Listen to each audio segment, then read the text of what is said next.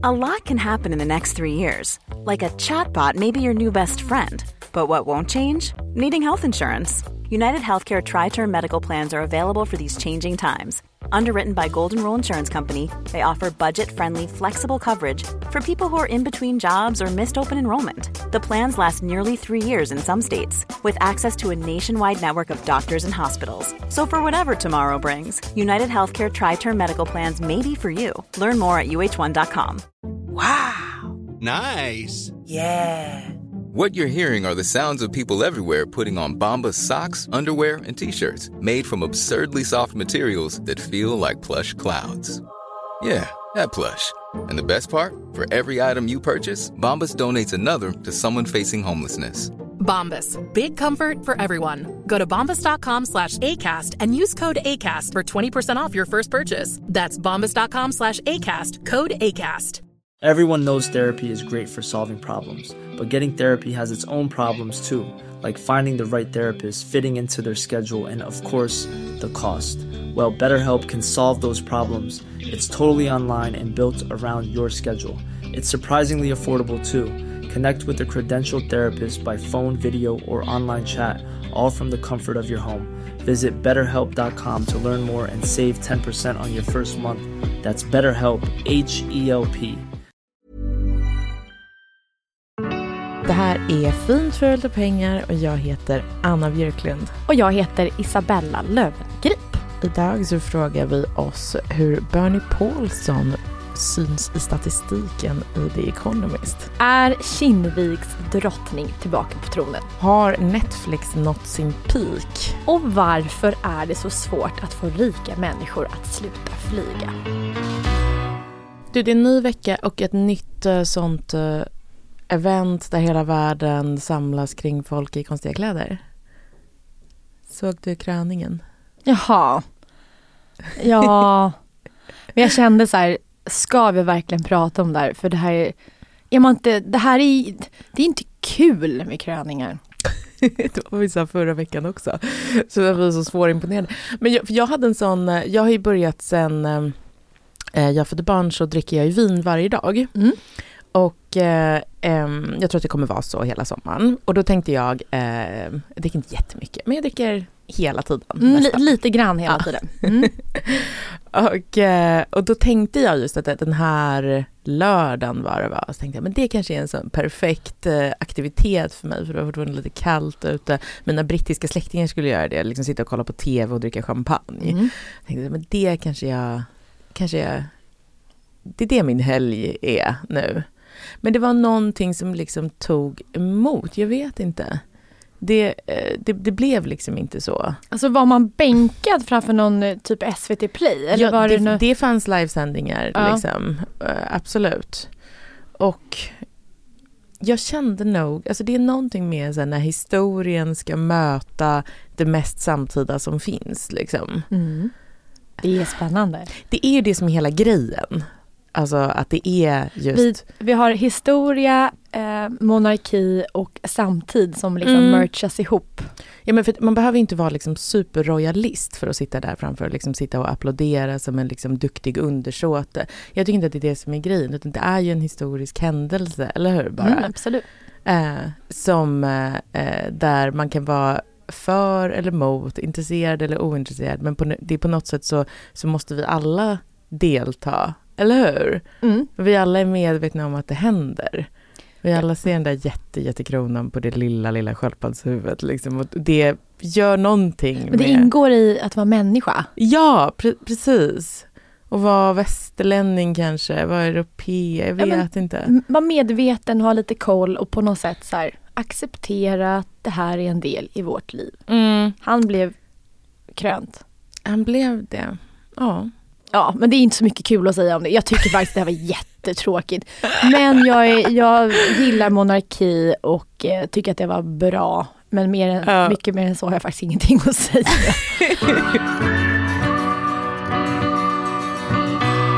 Någonting som jag tyckte var mycket mer spännande än kröningen. Ja. Det är att Kristina Stenbeck har varit lite mer närvarande i Kinnevik. Är drottningen tillbaks? Ja. Den riktiga drottningen? Ja men kanske, precis den riktiga, hon som borde bli. Ja. Men för att jag tror det var första avsnittet i Fint, fult och pengar som vi tog upp kring Kinnevik. Mm. Och för då hade precis eh, SvD hade släppt en stor poddserie som hette Dynastin. Mm. Då man fick eh, det var ju en, en lång intervju med Sofie Stenbeck just kring Kristinas lilla syster. Precis, där hon berättade om att, för, att familjen hade men vad säger man, lämnat mer och mer Mm. eh, Kinneviksfamiljen och vi såg också rent att Kristina Stenbeck hon lämnade Sverige, hon Precis. flyttade till London och lämnade sina uppdrag. det stolta anrika familjeföretaget är inte längre ett familjeföretag var ju hela slutsatsen på något sätt. Mm. Men eh, nu kanske det är det igen då. Har hon tagit sina fem barn och kommit tillbaka eller? N- nej, det Nej. utan från hon Så ju- roligt ska vi inte ha. Hon Nej. är kvar i London. Det, det har man inte sett. Men Nej. det som hände i alla fall som var väldigt positivt var att hon kom på den senaste bolagsstämman för Kinnevik. Mm. Mm. Hon dök upp och log lite i alla fall. Liksom. Mm. Ja, Mm. och, ehm, och då har man, jag tror fo- folk ehm, diskuterade så här, men vad ska man kalla hennes roll? För att hon är ju inte med i styrelsen till exempel. Nej. Men hon Och- äger en jättestor del av ett jättestort företag. Ja, Mm. och så hennes epitet ska vara att hon är huvudägare. ja, ja. Precis, så att Kristina Stenbeck, huvudägare av Kinnevik. Mm. Och sen hur mycket... Hur mycket hon bryr sig om de där miljarderna, det, det vet vi inte. Det har vi ingen aning om. Nej. Men hon, eh, hon, hon, hon kritiserade vdn på en gång under bolagsstämman, eller hon gjorde det via sitt ombud. Mm. Och det var just att eh, Kinnevik idag har 40 bolag i sin koncern, Mm. investmentbolagen. Mm. Och hon sa att det är för många. Mm. Att man kan inte hantera 40 bolag och att se till att alla de eh, går bra. Nej. Och mm. så var hon också kritisk till att det har varit ganska tuffa nu de här kvartalsrapporterna just för Mm. Kinnevik och Mm. då har man också sett att Mathem har varit ett av bolagen som har skruvats ner i värdering och det påverkar också portföljen. Just det. Mm. Så det var hon eh, lite kritisk till. Och um, om man bara tittar på Kinnevik bara i sig um, så har ju substansvärdet av bolaget har ju sjunkit jättemycket. Mm.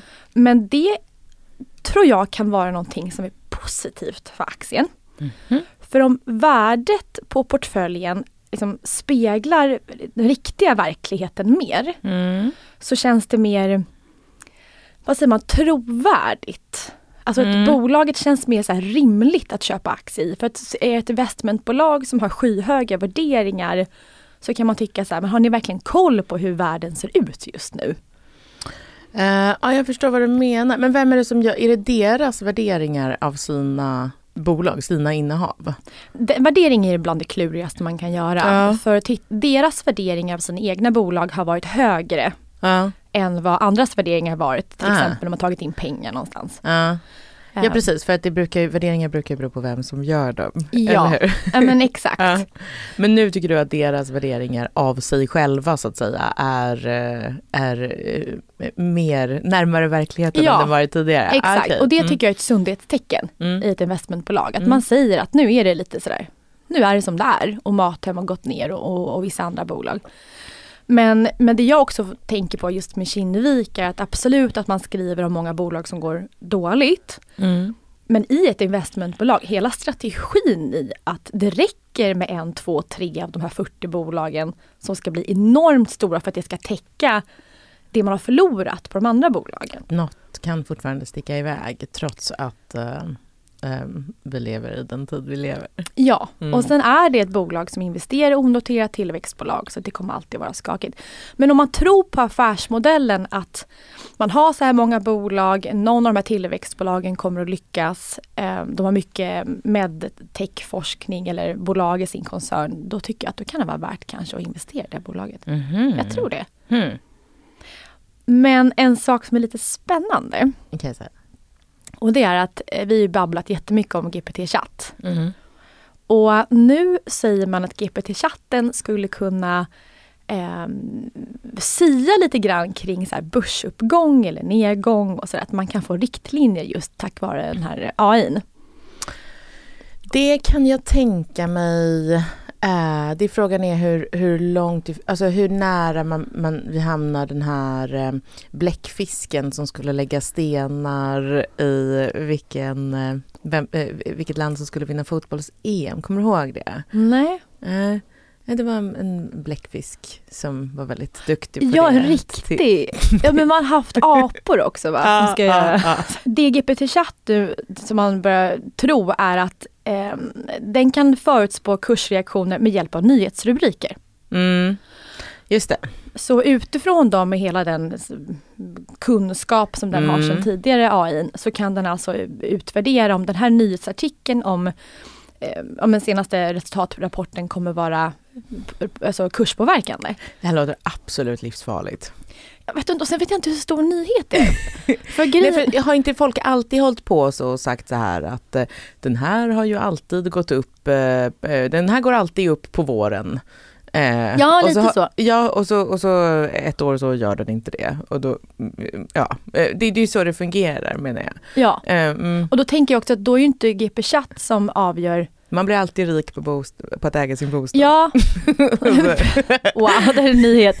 Men då tänker jag att det kan ju inte vara GPT-chatten som vet om nyhetens, alltså nyhetsrubriken är kurspåverkande utan det är ju rubriksättaren. Ja, som precis. måste avgöra kursen i så fall. Ja, exakt. Och, och, det, och en rubrik kan ju ha eh, sammanfallit med en, eh, en börsförändring eh, 8000 gånger och sen den 8000 första gången så mm. blev vi alla jättefattiga då. Nej det här låter, det här låter jättedumt. Ja jag tycker det låter jättedumt. Ja nej sluta med det. Ja. ja sluta med det. Men jag var inne och kika i alla fall i och med att jag inte sett den här GPT-chatten att den kan analysera än. Men jag gick in, in och just och tittade på börsen vad som hade hänt uh-huh. efter att de hade berättat just att Kristina Stenbeck när det var bolagsstämman. Mm. Det hade inte hänt någonting. Okej. Okay. De har inte lyssnat på vår podd. Nej. Jag förstår inte att det är viktigt. Men eh, för att avrunda så tycker jag, så blev jag väldigt positiv till det här. Mm. Men jag tror att Kristina Stenbeck och familjen har känt sig att deras beslut var lite för att det blev en sån våg eh, och kritik av att de lämnade deras positioner för några månader sedan. Du tror att det är Svenska Dagbladets poddserie som har jagat tillbaka henne? Ja, okay. det tror jag. Mm. mm. Jag minns när jag ställde ett alarm på tisdagar vid fyra på morgonen för att gå upp och ladda ner eh, Gossip Girl eh, på Pirate Bay. Så jag kunde se det före jag gick till skolan. Mm. Mm. Jag satt kanske med så här håret på spolar och sminkade mig medan jag kollade på Gossip Girl. Smart. Mm. Um, minns du musiknedladdning? Mm. Mm. Kassa. Ja, precis. Och eh, ja, det, det, var lite mer... Uh... Jag hittade så här, musikkoder på typ Alta Vista. Okay. Som jag sen kopierade och la in på Playhead. För då ah. fick man musik på sidan. Ah, sn snyggt. Mm, men det var ingen musiknedladdning eh, i och för sig. Nej just det, det var bara delning. Men det var, det var liksom sist jag brydde mig om musik. Typ, när det var så här svinmäckigt att få tag i. Och jag läste så franska musikbloggar som jag försökte översätta så ord för ord. För det var före Google Translate och så. Eh, och Uh, det, men det var liksom väldigt stort, liksom jag förde över dem till iTunes för att kunna lyssna då i min iPod. Uh, det, det, här var liksom, um, alltså när jag, fick, när jag, jag hade uh, klippt gräset och sparat ihop till en iPhone när den skulle släppas i Sverige sommaren 2008. Och iPhonen då när den kom, jag såg ju den som en musikspelare mm. primärt, som man kunde också typ smsa ifrån. Mm. Att men, men det var, så, så, stort var liksom musik, så mycket använde jag eh, iTunes. Nu är det bara något konstigt som finns i min dator som jag inte kan... Som alltid spelar YouTube. Eh, precis, som jag inte kan avinstallera, vilket är ja. För det här var på tiden då som nedladdning fortfarande var liksom så kultur spreds. Mm. Mm. Och sen några månader efter iPhone hade eh, kommit till Sverige så började rättegången mot Pirate Bay-killarna och sen kom Spotify och sen kom sociala medier och liksom snipp, snapp, snut så var det inte så längre, tänker man. Men vad säger du om jag säger att det är precis där vi är kvar egentligen? Att vi är slutet på första eran. Att vi egentligen inte har löst de problem som man pratade om då. För att just nu är det en, eh, en stor strejk i USA. Mm. Manusförfattarna för tv strejkar. Mm. Låter, låter konstigt för man tänker att det är en så privilegierad grupp kanske. Kon. Får de strejka? Ja, ja men precis. Skulle man aldrig våga i Sverige. Men, men, ähm, men många äh, tänker kanske så här att det, det, är också konstigt för att det görs så himla mycket tv nu för tiden. Alltså folk streamar ju saker hela dagarna och vi laddar inte ner Gossip Girl längre utan man betalar ju för att se det. Mm. Det borde ju hovas in massor med stålar kunde man tro. Men eh, manusförfattarna då för den här tvn, de har fått mycket sämre villkor sen liksom den här, det, det senaste decenniet och sen Pirate Bay-rättegången, sen streamingen uppkom och så vidare. Uh, och det är inte så konstigt för att det är också skitsvårt för kanalerna. Uh, och med kanalerna menar du uh, Netflix? Plattformarna, mm. Netflix, precis. Amazon Prime, uh, HBO mm. Max, Disney plus, mm. vad heter de? Det finns ju Prime Time, via Play, jag vet, jag vet inte vad de mm, heter. Ja. Um, och om man backar då eh, 10-15 år till den här torrent-eran, då var det en jättestor debatt om så här, hur kulturen skulle finansieras om alla bara tog sitt innehåll gratis från internet. Mm. Eller man använde inte ordet innehåll då. Liksom. Men, men jag vet att jag hade ganska dåligt samvete för det när folk var så här, jaha, och om du bara stjäl den musik du vill ha, hur, hur har du tänkt att artisterna som du då gillar, hur har du tänkt att de ska kunna försörja sig? Eller mm. liksom det fortsätta? var skam att ladda det ner. Det var det, mm. precis. Samtidigt så var det det enda sättet eh, typ att få tag i saker ett tag. Um, för Gossip Girl gick inte i Sverige. Det gick liksom inte.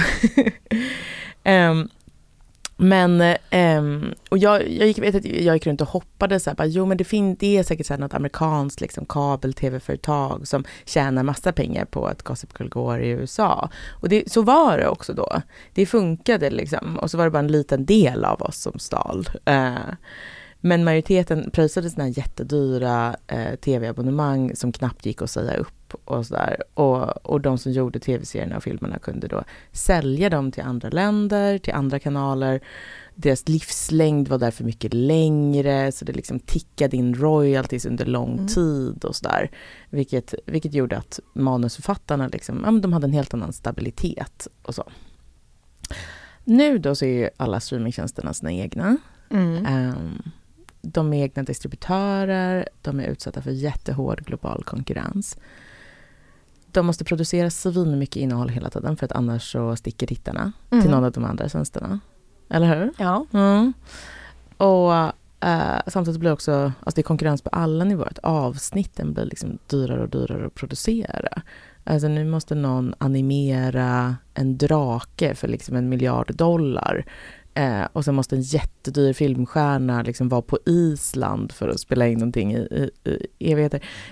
Istället för typ, eh, och så blir det kanske en säsong på åtta avsnitt av det mm. som folk bryr sig om en kort, kort period. Istället för typ Seinfeld. Eh, där man liksom kunde Ett göra... rum, eller en lägenhet. Ja, precis, som typ är byggd av kartong.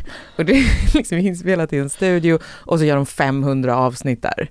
Som dessutom då säljs över hela världen. Mm, eller Vänners, eh, Friends, Café. Ja, eh, precis. Central Perk. Ja. precis, man förstår ju att det är en annan ekonomi. Så de måste göra då jättestora shower med jättedyra skådisar, jättemycket marknadsföring. Men de gör fortfarande ingen vinst. Mm. De förlorar jättemycket pengar, de här företagen, hela tiden. Ja. För fortfarande är det så att tittarna betalar då, eh, ja de betalar, men de betalar inte så mycket som behövs helt enkelt. Um, så att det här är liksom um, egentligen precis som då. Mm. Alltså hur vi får så en kultur, men som vi egentligen liksom, som, som inte, det inte finns någon finansiering till. Du menar att, att det är svårt att få tillgång till kulturen utan att manusförfattarna drabbas? Nej, jag menar att det är nu när eh, de här eh, liksom Netflix och de andra inte har tillgång till eh, massa riskkapital hela tiden. Mhm. De är också drabbade av liksom, lågräntesamhället. Jag tror att kanske tv-eran är över, Bella. The golden age of Jag tror television brukar tvärt- man prata om. Jag tror det är tvärtom. Berätta. Jag tror att vi väntar en, eh, att just många av de här streamingtjänsterna går med vinst. Inte alla. Mhm. Absolut. Typ till exempel Disney plus då som de, får, de fick ju ta hela sin liksom, Disney-kartotek med filmer så ska man Mm. bygga en streamingtjänst och lägga där. Det är krångligt Mm. medan till exempel HBO och Netflix kommer från ingenstans. Mm. Men du pratar om att animeringen, att det blir så dyrare så ska man ha skådespelare på Island en månad. Mm. Jag tror att hela film och tv-seriesproduktionen kommer att bli billigare hela tiden. För att tekniken bakom allting blir Mm. billigare. Det har du i och för sig rätt i. Det, sen- det under den här kapprustningen så, så har varje, liksom, dels så görs det dubbelt så många liksom, skriptade tv-serier i USA nu som för ett decennium sedan.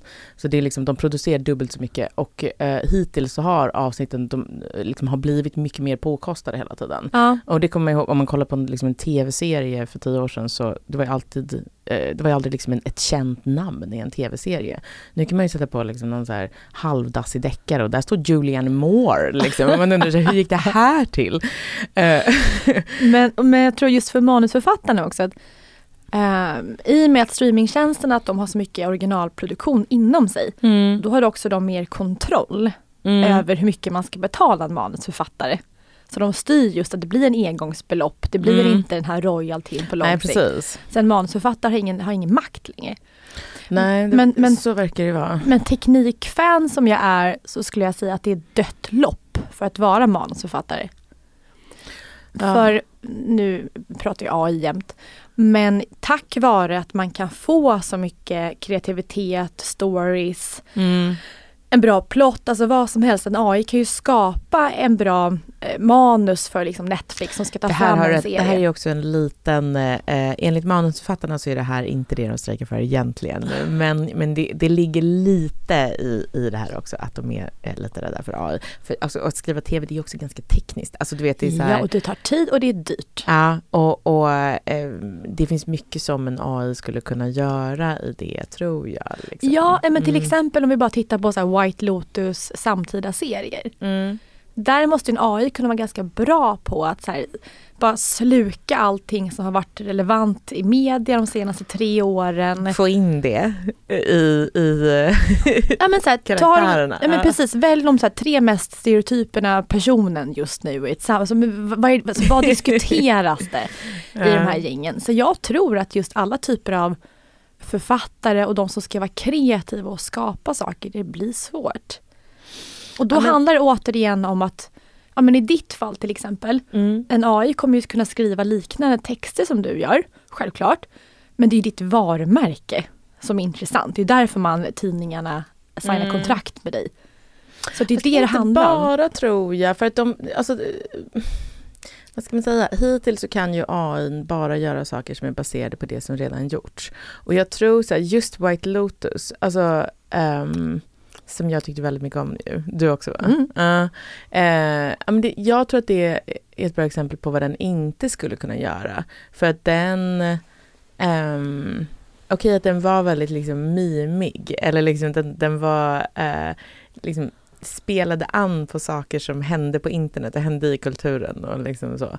Men den, den uppfann ju också eh, den, den liksom kunde förutspå vad som skulle, han som skrev den, liksom i, i, eh, kanske ett och ett halvt år före den filmades och släpptes. Han kunde ju förutspå liksom vad som skulle vara relevant eh, då för oss som såg den långt senare. Ehm, och det, det tror jag inte... Eh, alltså vad ska man säga? Nej, jag tror faktiskt inte AI kan det. En. Den kan skriva såpor. Ja. Jag tror den kan skriva... Actionfilmer. Den kan skriva så här dumma eh, talkshow-skämt. Mm. Eh, Ja. För alla talkshow, eh, de, de strejkar nu så att de, de liksom sänds inte nu. Mm. Det, det tror jag de kan göra. ja men verkligen. Jag tror, jag tror inte de kan skriva White Lotus. Mm. Ja, se. Men, Men, men hur tror du det kommer gå med strejken då? jo men egentligen tror jag att på sikt så kommer det nog gå ganska dåligt. För Mm. jag tror det kommer gå ganska dåligt för den här branschen. För att jag tror, på ett sätt har vi alla vant oss nu vid att liksom vara så himla, himla underhållna av de här liksom stora produktionerna som finns nästan gratis.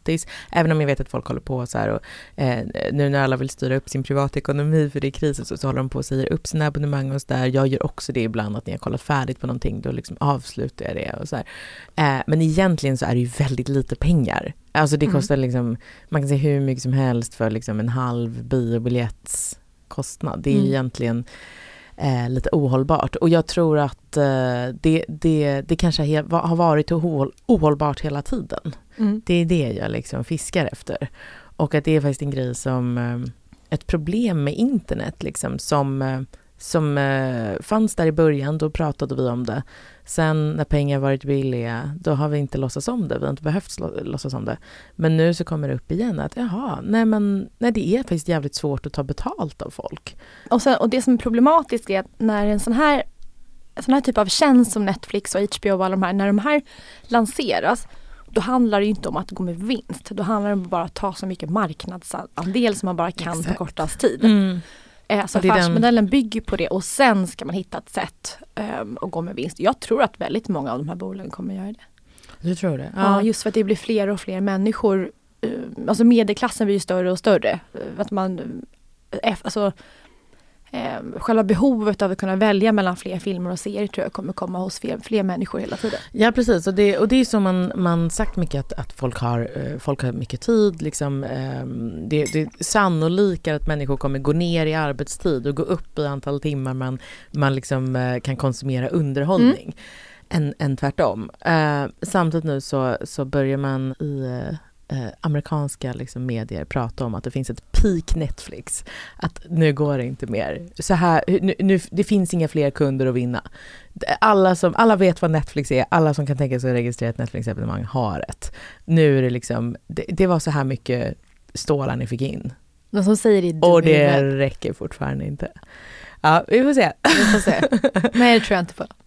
Nej, jag tror liksom att den här You wouldn't steal a car eh, reklamen, kommer du ihåg det? Jag tror att den kommer komma tillbaka varje gång någon delar sitt lösenord med sin eh, släkting.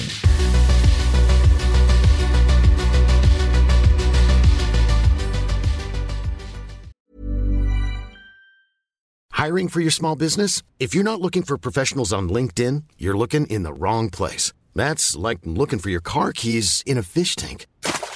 LinkedIn helps you hire professionals you can't find anywhere else, even those who aren't actively searching for a new job but might be open to the perfect role. In a given month, over 70% of LinkedIn users don't even visit other leading job sites. So start looking in the right place. With LinkedIn, you can hire professionals like a professional. Post your free job on linkedin.com/people slash people today.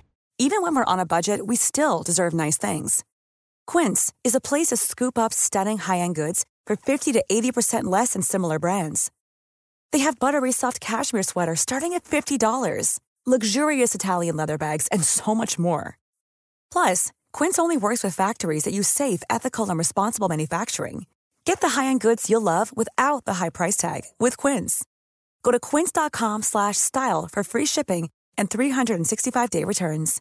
Everyone knows therapy is great for solving problems, but getting therapy has its own problems too, like finding the right therapist, fitting into their schedule, and of course, the cost. Well, BetterHelp can solve those problems. It's totally online and built around your schedule. It's surprisingly affordable too. Connect with a credentialed therapist by phone, video, or online chat, all from the comfort of your home. Visit betterhelp.com to learn more and save 10% on your first month. That's BetterHelp H E L P.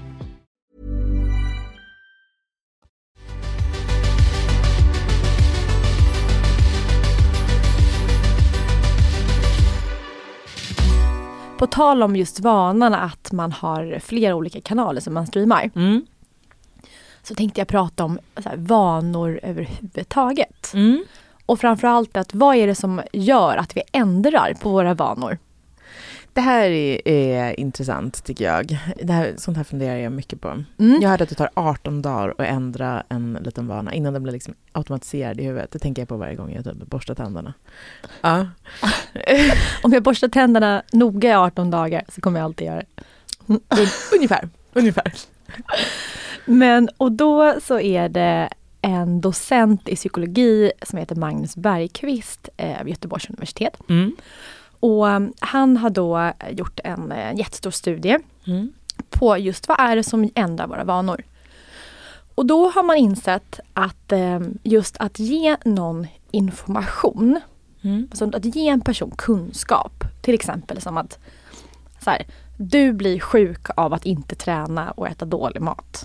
Ah, mm, just det. Här, Det funkar inte va? Nej, rökning är farligt.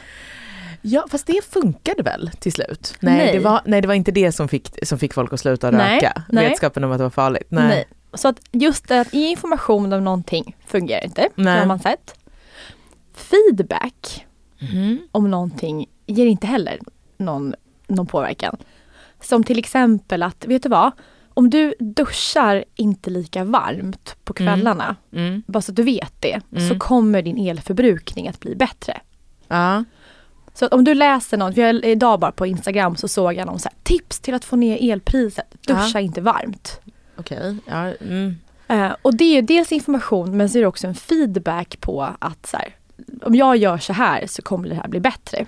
Men det här vet man ju lite från sina barn, att det här funkar ju halvbra det med, eller hur? Ja. Alltså om, om, om de gör någonting, ja men jag vet inte, Eh, man kan säga så här bara, du kan ju tänka på att om du ställer din, om du lägger din tröja på samma ställe så har du lättare att hitta den nästa gång. Det, det brukar inte liksom få dem att göra det, eller hur? Nej, Nej. så precis, den feedbacken funkar inte. Vi har sett en, de har sett en liten Eh, vad säger man, att man ökar eh, sannolikheten att man ändrar vanor om det finns något ekonomiskt incitament i det. Mutor, ja det funkar. Ja, med barnen. Ja, att gör du det här så får du en liten peng. Ja, ja. Eh, men det, men det, det funkar inte helt. Nej, nej, inget För man funkar helt. tröttnar på det efter ett tag. Ja, precis. Och, och, ja, det blir lite så här, öff, är det värt det? Ja. Ja. Som till exempel nu, jag tvättar ju bara på kvällar, eller förlåt, på, på morgonen. Mm. Men ibland bara, jag orkar inte, jag stoppar in den i jäkla tvättmaskinen nu trots klockan är sju. Vad kan det kosta? Ja, Tre fem- kronor extra, Ja. men det har jag råd med. Exakt, exakt. Så det, är liksom, man, det tappar lite efter ett tag. Absolut. Men det man har sett som har störst kraft på Mm. oss människor, det är social jämförelse. Okej. Ja, det här låter sant. Mm. Ehm, mm. För om det är ett, eh, ett gäng, en person eller liksom en grupp som man identifierar sig med, eh, så bildar det normen för mig vad som är normalt. Ja, och människor vill göra det som är normalt, eller hur? Ja, Eller så vill de sk- särskilja sig från det normala. Men alla förhåller sig till någon slags, ja det här, ja, absolut, okej. Mm. precis. Så det man har sett är att man kallar det för en ingruppsnorm. Mm. Och det är gruppen som jag identifierar mig. Mm. Och så finns det då också en utgruppsnorm. Mm. Eh, och det är en grupp som jag absolut inte vill, vill eh, identifiera mig. och um, om man bara tittar på då exemplet kring just det här att sluta flyga. Mm. Då såg man att om man är höginkomsttagande eller bor i en storstad Mm. så flyger man oftast mer än vad man kanske gör ut, än folk ute på landet eller folk som inte tjänar lika mycket pengar. Ja, logiskt eftersom det också är dyrt att flyga. Så Ja. Det, ja mm. Mm. Och om man då ska få människor att flyga mindre Mm. så, så handlar det inte om att så här, informationen, det är dyrt med kol, eller det är illa med koldioxidutsläpp. Nej precis, för det vet ju alla. Ja, och Ja. det handlar inte om så här, Isabella, feedback. Om du hade flugit så här mycket mindre, då hade du tjänat så här mycket pengar. Gjort ännu bättre för miljön och så hade det här hänt. Nej, nej, okej. Nej. Jag är inte så här, ja ja. Ja, Men ja. det man ser är att om min då ingruppsnorm, alltså mina grannar, mina liksom Lidingö rika kompisar, Mm. folk som jag tycker har status runt omkring mig. Just det. Om de känner så här, vet du vad Isabella, det är, det är inte så trendigt att flyga längre. Nu kör vi bara så här härliga elbilar, Ja, vi tar ja, ja. tåget runt om i. Europa. Då jävlar reagerar man. Ja, då vill jag också ta tåget runt om i Europa. Du, eh, eh, det här stämmer ju helt. Mitt bästa sätt att få in, eh, om, om jag har någonting som jag vet att jag vill göra och så ska jag försöka tvinga mig att göra det. Eh, till exempel så, jag tror faktiskt att jag lever ganska så här hållbart liksom. Mm. Men inte för att jag är så himla, jag sitter inte och läser klimatrapporter liksom varje dag. Utan det jag gör, eh, det är att jag följer jättemånga snygga tjejer på Instagram som gör det jag vill göra, liksom. som lever på det sätt jag vill göra. Mm. Och då... Då känner- blir det din ingruppsnorm. Precis, Ja. ja. Jag tror att det, det här är, är, är exakt så. Ja. Men sen har vi också den här utgruppsnormen. Och det, det? det är den här gruppen av människor som jag absolut inte identifierar mig med.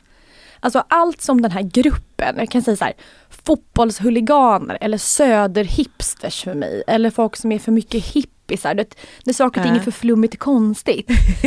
det är min utgruppsnorm för Ja, jag känner mig liksom stressad av det här. Mm. Och då kan det till och med vara så att det som de identifieras med, det som är viktigt, till exempel då att man ska äta vegansk mat eller nu gör jag för sig det ofta, men, men hur som de lever. Mm. Om jag verkligen tycker att det är min utgruppsnorm, då vill jag göra tvärtom från dem. Just ja. Så de här skapar, deras vanor kommer jag absolut inte göra på grund av att jag inte vill vara en del av deras identifikation. Nej precis, precis. Jag, jag, ehm, just det. Vad, hur... försöker Och jag har ett vad- exempel på Mm. det här. Säg. Mm, för du har ehm, en sjal som du bär dina barn i. Ja, Alltså en, bär, en bärsjal. Ja, ja. Hade jag fått barn idag så hade jag också haft en bärsjal. Ja. För att jag inser att det är mest praktiskt. Det är toppen. Ja. Mm. Men jag har under mina år identifierat bärsjalar med väldigt mycket just flum, hippie. Just Eh, man bor någonstans där man eh, man typ, ja, men typ lite så här vegan, hipsterskägg, rösta på vänstern. Aha. Kan du förstå lite bilden Ja, som jag absolut. får upp? Och jag Ja, hör ja. ju hur fördomsfull jag är och så var det förut och det är det jag Mm, vill poängtera, inte idag. Just det. Så, så här, eh, ren information om att det här är så här, att bebisen blir typ lugn av att vara i det. Det, det hade inte spelat någon roll för att du kopplar den liksom till en personlighetstyp som du inte gillar. Ja, och då vill jag inte Ja. ha bärsjalen på mig. Trots Nej, informationen och trots feedbacken att det är typ bättre för min kropp eller för bebisen. Just det, precis att man slipper få ont i ryggen, spelar Mm. ingen roll. Nej, det spelar ingen roll. Jag, jag förstår precis. Eh, mm. Det är lite intressant. Det är lite intressant. Det här, just med flygande så stämmer ju det verkligen. För att ehm, jag eh, träffar en del eh, som till exempel eh, alltså som, som, som är nästan aggressiva motståndare till att åka tåg. Eh, alltså även när det verkligen är mycket mer praktiskt. Eh, alltså till exempel om man som jag skulle så resa med en bebis, alltså det är så mycket lättare att ta ett tåg Ja, då. gud ja. Eller, eller typ ha med sig sin hund. Som jag, alltså, ja, det är ofta Eller som bara det är små enklare för barn. mig. Ja, precis. Och de, för då kan man promenera omkring och det ja, är odramatiskt eh, på ett helt annat sätt. Och dessutom då mycket billigare, eh, kan ibland liksom gå snabbare. Alltså, Mm. så. Men, men eh, om man säger det till en viss typ av högerman, att jag ska ta tåget till Köpenhamn, så, så de blir ju liksom förbannade. För att de tycker liksom att, att det, är någonting, det spelar ingen roll hur dumt och dåligt inrikesflyget är. Det är liksom deras inrikesflyg. Och om, om jag tar tåget så är det på något sätt som en kritik av dem. Eller deras onödiga, dumma flygresor. Ja men så tänker ändå- de nu. Ja. Att du är ineffektiv, vad är det för fel på dig? Precis, ja eller bara så här, har du valt de jävla miljöpartisternas sida i det här kriget liksom? Um, jag skulle säga att det här är, jag vet inte om det hänger ihop med att, att du pratade om att det är eh, höginkomsttagare eh, som reagerar på det här sättet. För att det är, det finns någon typ av man som, vad ska man säga, verkar tänka väldigt mycket i såna här ingrupp, utgrupp. Att jag märker så här att ehm, eh, det finns ju en typ av man som, som ehm, eh, tycker mycket mer om mig nu Eh, när eh, du och jag liksom förknippas med varann. Som har ogillat mig tidigare, förstår du? Och jag har också samma, jag har också Ja. samma situation fast tvärtom. Ja. Mm. Eh, och det, ehm, jag verkar funka så med, eh, jag har lite grannar omkring mig, att jag märker så här att om de först sett mig, kanske typ med min bärsjal eller liksom, um, ja, jag vet inte vad de har placerat mig i för fack innan, men så ser de när jag kommer med min eh, svinsnygga fågelhund då smälter de direkt. Då, aha, hon har en jakthund. Det betyder att det här är en människa att lita på. Det är en sån, vill du smälta så här ett moderat hjärta som är över 60, ha med dig en, en, en söt smärt fågelhund. Mm. Liksom. Mm. Så, då, då placeras jag i ingreppsfacket. Jag skulle kunna vara liksom råkommunist, det spelar ingen roll. Nej. Då är jag ändå en människa att lita på. Mm. mm. Och då har jag analyserat varför det är så här. Mm. Berätta. Och då kommer vi verkligen ner till basic. För att vi är flockdjur. Ja, det har du ju rätt i då. För vi har lärt oss att det är liksom genetiskt dåligt att göra annorlunda än de som vi liksom identifierar oss med. Mm. Alltså, det är större sannolikhet att någonting dåligt ska ske. Att jag inte får, får skaffa barn med någon. Att jag inte får liksom föröka mig eh, om jag inte är med de människorna som accepterar mig. Där vi liksom tycker om varandra. Mm. Och och, och, det sitter ju djupt i oss för att det här eh, flockdjursbeteendet har ju gjort att vi till exempel här, har kunnat överleva, rädda oss från djur, att vi har hållit ihop och liksom hjälpt, hjälpt oss med varandra. Mm. Um, och um, då tänker jag mycket på den här en darwinistisk liksom, evolutionsteori. Mm. Att um, för min del, här, om jag ska kunna föröka mig och leva ett tryggt liv så behöver jag umgås med människor som är likasinnade. Just det. Eh, och nu är vi 2023 så att jag kommer överleva med en man som röstar på Vänsterpartiet och har långt skägg också. Mm. Rent tekniskt. Rent tekniskt. Men vi kanske liksom inte klickar och därav så kanske liksom eh, reproduktionen inte blir lika, eh, sannolikheten kanske inte blir lika hög. Mm. Och, ehm, och då landar jag också i så här. För svenskar, alltså min ingruppsnorm, många av dem skulle åka till Marbella. Mm. Till exempel på semester. Ja, okej. Okay. Mm. Jag personligen gör inte det, men jag vet att min typ av person gör det. Mm, de som mm. sitter liksom på Sturehov och tar ett glas vin, många av dem har hus i Marbella. Ja. Och, och, och, det är klokt av oss att vi tar oss till samma ställe. Just för att då umgås jag som sagt då med min flock igen. Mm. Så fungerar ju människor, det, så, det märker man ju när man kommer till, när man reser utomlands, liksom, att man kan ju direkt se liksom, vad svensk klicken eh, är. Ja. Och den har likadana kläder och den går till samma restauranger mm. och de har hus på samma ställen och så. Mm. Ja men precis, det är hemskt det. men det är tryggt. Mm. Så är det ju, mm. mm. som fact. Um, så det är därför vi hellre hamnar där än till exempel att vi åker till uh, Albaniens Riviera. Vilket ska vara jättevackert och bättre pris. Just det. Men informationen om att det är billigare rör mig inte. Nej. Utan det är just vad gör alla mina andra, mina ja. vänner och där hamnar jag. Ja. Deppigt. Sheeple, wake up.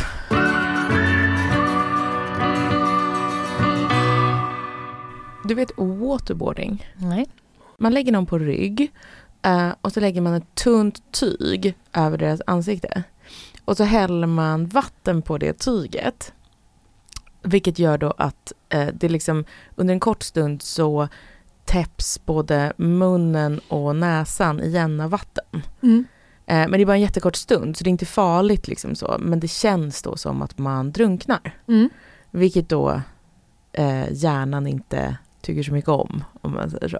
Det har varit med i många så här, action, en amerikansk eh, militär kom till Afghanistan. Precis, det är väldigt poppis då för att eh, det gör ingen skada på kroppen men det skrämmer skiten ur folk så att de eh, bryts ner mm. snabbt. Mm. Så. Jag läste en artikel i The Economist där en psykolog jämförde tonårsflickors eh, närvaro i sociala medier med waterboarding. Mm. Eh, för det gör då ingen skada på kroppen men skapar de här liksom, tortyrliknande mikroångestattackerna som är väldigt svåra att eh, fly ifrån. Uh, och den här artikeln ställde frågan då, uh, får iPhones unga kvinnor att ta livet av sig? Mm. Intressant fråga, eller hur? Ja, absolut. För att vi vet ju då att de eh, kan skapa ångest, de kan eh, eh trigga nedstämdhet och sådär. Pratar vi iPhone eller sociala medier? Um, ja, alltså um, sociala medier, för att när man pratar om unga kvinnor, det är det som skiljer då. Att killar spelar spel, liksom tjejer mm, är... Typ en smartphone. Precis, mm. ja. Uh, och de, uh, de kan också sabba sömn, vilket är väldigt dåligt för hjärnan och sådär. Och de kan också göra det som jag tänker är kanske sämst, att de kan ta väldigt mycket tid från en. Vilket är särskilt så här när man är i en ålder när man egentligen borde, där världen borde växa för en. Alltså man borde träffa nya människor, man borde få skaffa sig massa erfarenheter och, eh, och sådär. Eh, så är världen väldigt, väldigt liten om man liksom är med sin telefon i så många timmar som många är. Mm. Håller du ja, med mig? Ja, absolut. Bra, mm. bra iakttagelse. Ja, um, tack. um, Men då var frågan nu så här, eh, är det också så att den får unga kvinnor att dö? Mm. Um, för självmordsstatistiken för tonårsflickor, den, den så tog fart lite i, i USA och England. Den var stabil fram till 2010. Och då kom Instagram och sen har den stigit. Den är mm. fortfarande mycket lägre än för killar ska man säga. Men, um, är, det, alltså, är det lägre än killar som begår självmord? Precis, män män tar livet av sig mycket högre, mycket ah, oftare. Ah, mm. uh, men för flickor har den då stigit. Um, och uh, så många har gjort den kopplingen. Men nu var det någon som hade rätt ut det här på riktigt och märkt att nej, uh, iPhones får inte flickor att ta livet av sig. Vi kan inte utesluta det helt, men det finns ingenting, det finns liksom hittills inga bevis för det. Um, och, och så pratar hon också om att um, hamnar på sjukhus för sitt självskadebeteende i mätte också då, den här studien. Eh, och för det är ju också kvinnor mer än män, unga kvinnor särskilt. Eh, och det vore inte så jättekonstigt om då unga kvinnor waterboardas varje dag, att de också då eh, tog ut sin ledsenhet på sig själva på något sätt. Mm. Men eh, nej, det var samma sak där, att det gick inte att utesluta, men det verkar faktiskt inte vara något samband. Men då i den här artikeln så var det, eh, använde de, för de jämförde olika länder och, så där, och då använde de Sverige som ett exempel. Mm. Mm. Var det en amerikansk studie? Mm. Eller artikel? Um, precis, eller i The Economist, den är brittisk, jag vet inte. Men det mm. var, jag tror att det var en amerikansk studie. Um, och då uh, är Sverige år 2006 ett sånt rekordår tydligen för unga kvinnor som tar livet av sig och självskadar sig. 2006? Ja. Och det är innan eh, iPhone Precis. kommer? Ja, och sen så har liksom den statistiken varit eh, på en platå efter det, inte liksom påverkad av teknik, ekonomi och så mm. vidare. Intressant va? Ja, det hade jag inte trott. Inte, för att jag var tonåring 2006. Du är med? Mm. Ja. Jag minns 2006 och jag kände att jag förstår precis vad den här studien pratar om. Eller mm. vad den kunde användas som exempel. Mm. Uh, för att 2006, det var ju då den sista indievågen egentligen som kom då. Det här var långt ifrån mig. Mm, det här är långt ifrån dig. Mm. Håkan Hellström släppte sin bästa skiva. Och det här var ju på den tiden, om man gillade Håkan, nu kan man ju typ vara revisor och liksom uh, ha vita sneakers. Ja, absolut. Och eh, lyssna på Håkan. Ja, precis. Mm. Och eh, eh, det hade kommit en bok som någon som heter Bernie Paulson skrev. Som ja, men jättestor. Vinklippt ängel. Bra! Mm, den läste jag. Mm. Gjorde du? Mm. Okej, okay, det gjorde inte jag. Det, så vågade inte jag. Men, men som var en sån typ, eh, handlade om att eh, skära sig, eller hur? Ja, ja. hon var, vad var hon? Eh, borderline. Ja, precis. Alltså. Och, och det här var liksom på en tid när det var, det, eh, folk hade skunk. Eh, det hade inte jag. Men, jag vet inte vad det är. Eh, okay. det var eh, alla som eh, gick på Södra Latin hade eh, skunk 2006. och folk hade helgon.net också. Mm. Jag, jag misstänker att det här är som Playad. Eh, ja, precis. Fast mm. för eh, tjejer med mycket kajal. Mm. Mm. en annan sorts kajal än den du hade. Eh, och eh, det var liksom en, en för det här var liksom, internet fanns, eh, men det är före sociala medier, så det, det, här kunde liksom spridas som, alltså det kunde bli liksom ett stort, en stor grej. Mm. Det var liksom någon slags masspsykos som spreds på internet som var då att ja, men folk fotade sina blodiga armar och la upp i olika forum och sådär. Är det sant? Mm, det här, och det här, för det här kommer jag ihåg, liksom, att jag, jag såg. Så det här var ju inte en, en förändring i teknik eller en förändring i ekonomi ekonomi eller liksom mm. vad ska man säga, samhället, hur samhället fungerade. Utan det här var ju en förändring i kulturen. Mm. Mm. Och sånt kan också synas på grafer i The Economist. Jättehäftigt. Visst är det det? Ja. Tror, vet vi varför den här indie skära sig armarna eh, kultur kom just vid, vid den, vid den liksom, tillfället? Jag, jag har funderat på det. Alltså jag fattar inte riktigt det. det, det är men det är väl alltså ibland bara sammanstrålar allting som är hemskt då i det här fallet. Jag tänker att vi, in, tiden innan var ju präglat av eh, pojkband, Ja. eh, popstjärnor. precis, att det var så superkommersiellt, så Glatt. MTV, glatt precis. Och lite, eller lite argt också. Alltså Mm. det fanns mycket så här... ehm, För sen kommer hon Avril, vad heter hon? Men så uttalar man det. Ja, för hon blir ju en fot i popbranschen Just och det, en. Hon- fot i det mörka, kajaliga. Ja, precis. Ja, för det var det- det- det- typ äm, även såna här, hon var, för hon var ju en superkommersiell popstjärna, men som var, eh, exakt, såg ändå indie ut på något sätt, eller skulle Ja. se så här skate-mörk ut typ. Precis lite som eh, bandet Green Day, Mm. som jag vet att så här, vad ska man säga, riktiga indies skulle alltid lys- aldrig lyssna på det för att de ansåg att de var liksom för kommersiella och radio eh, liksom eh, poppiga. Mm. Men, men de såg ju ut, liksom, de såg Just det. Ja, såg Just det. väldigt mörka ut. Så det, precis, Green Day blir på, på något sätt en lite symbol för övergången mellan superkommersiellt och en längtan efter något annat. Ja, precis. Och jag tänker på sådana band som så här, eller kanske Amy Winehouse Ja. var en sån som liksom var ja, men, eh, enormt stor, enormt älskad, men också, hon var ju mörk på riktigt, liksom, lite mer än Green Day kanske. Mm. Mm. Eller ehm, även så här eh, The Libertines och så. Hon umgicks ju mycket med Pete Doherty på slutet. Liksom hela den. Eh, Kate Moss kunde lansera en så parfym som var riktad till liksom typ tonårsflickor som jag. Liksom. Eh, där det var så här, den, den luktar bensin. Kommer jag ihåg att säljtexten var och jag tyckte det var jättecoolt. Liksom. Ehm, att det, det var en så här, eh, det var väldigt fint att när någonting var just lite mörkt och lite smutsigt i många Mm. år där. Jag har ju mitt eh, Paris Hilton eh, karaktärsdrömliv. Just det. Men jag minns ändå den här, för jag kommer ihåg att man hörde The Killers ibla- ibland, Mm. Mr Brightside och sen The Libertines. Jag kommer ihåg att jag stack till eh, London och så gick jag i ett område där som var Mm. väldigt mycket Libertines. Ja. Jag kommer inte ihåg vad det heter. Nej, jag vet inte jag heller. Ett sånt här Mm. punkigt indieområde. Jag kommer Aha. säkert komma på den när podden är klar. Ja. Så att jag minns att den ändå var där. Mm. Eh, och där i den så fanns väl någon form av, på tal om eh, ingruppsnormen där, Mm. så Jaha. skulle man väl må lite dåligt. Exakt, ja det var väldigt fint att Så må här, dåligt. det finns självhjälps till dig. Ja, ja. Du kommer må bättre om du går ut och springer. Mm. Men det vill man inte. Nej, det var absolut ingen som alltså, så här, skulle typ tränat. Alltså nej, nej, nej. Det var liksom, eh, För gruppen säger något annat. ja exakt. Det var mer liksom, ehm, en, en statusmarkör var kanske att ha alltså, receptbelagda ångestdämpande. Mm. Det var liksom så Mm. Mm. det finaste. Men kan vi säga så här då, att, att när, när iPhone sociala medier kom så på något sätt så öppnades världen också på något sätt. Ja, Och det blev mindre i den här gruppen där det var så mörkt, att man ändå hittade andra precis. trender och influenser.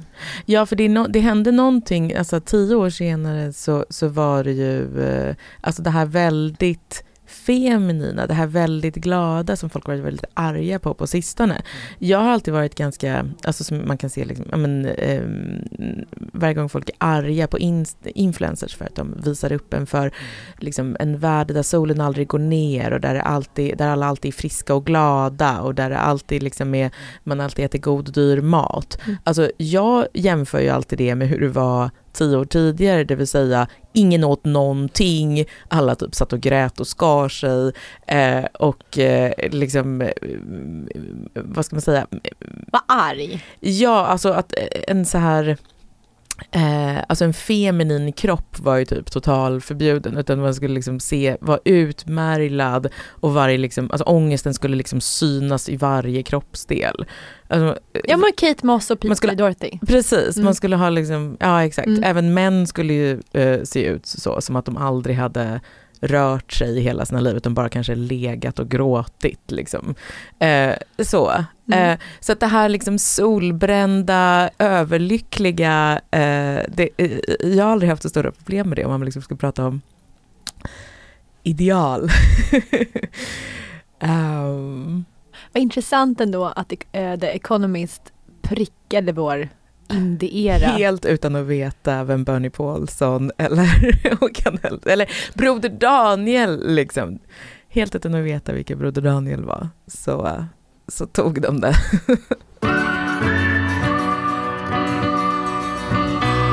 Det här var Fint, fult och pengar och som vanligt ska du höra oss varje torsdag. Hej då!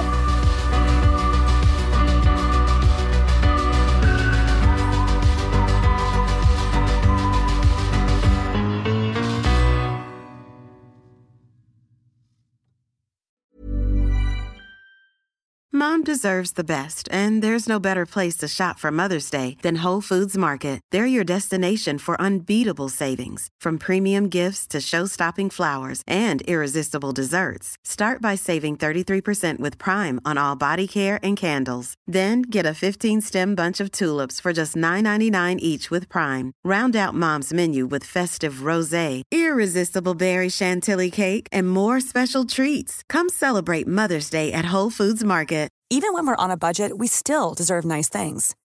Quince is a place to scoop up stunning high-end goods for 50 to 80% less than similar brands. They have buttery soft cashmere sweaters starting at $50, luxurious Italian leather bags, and so much more. Plus, Quince only works with factories that use safe, ethical, and responsible manufacturing.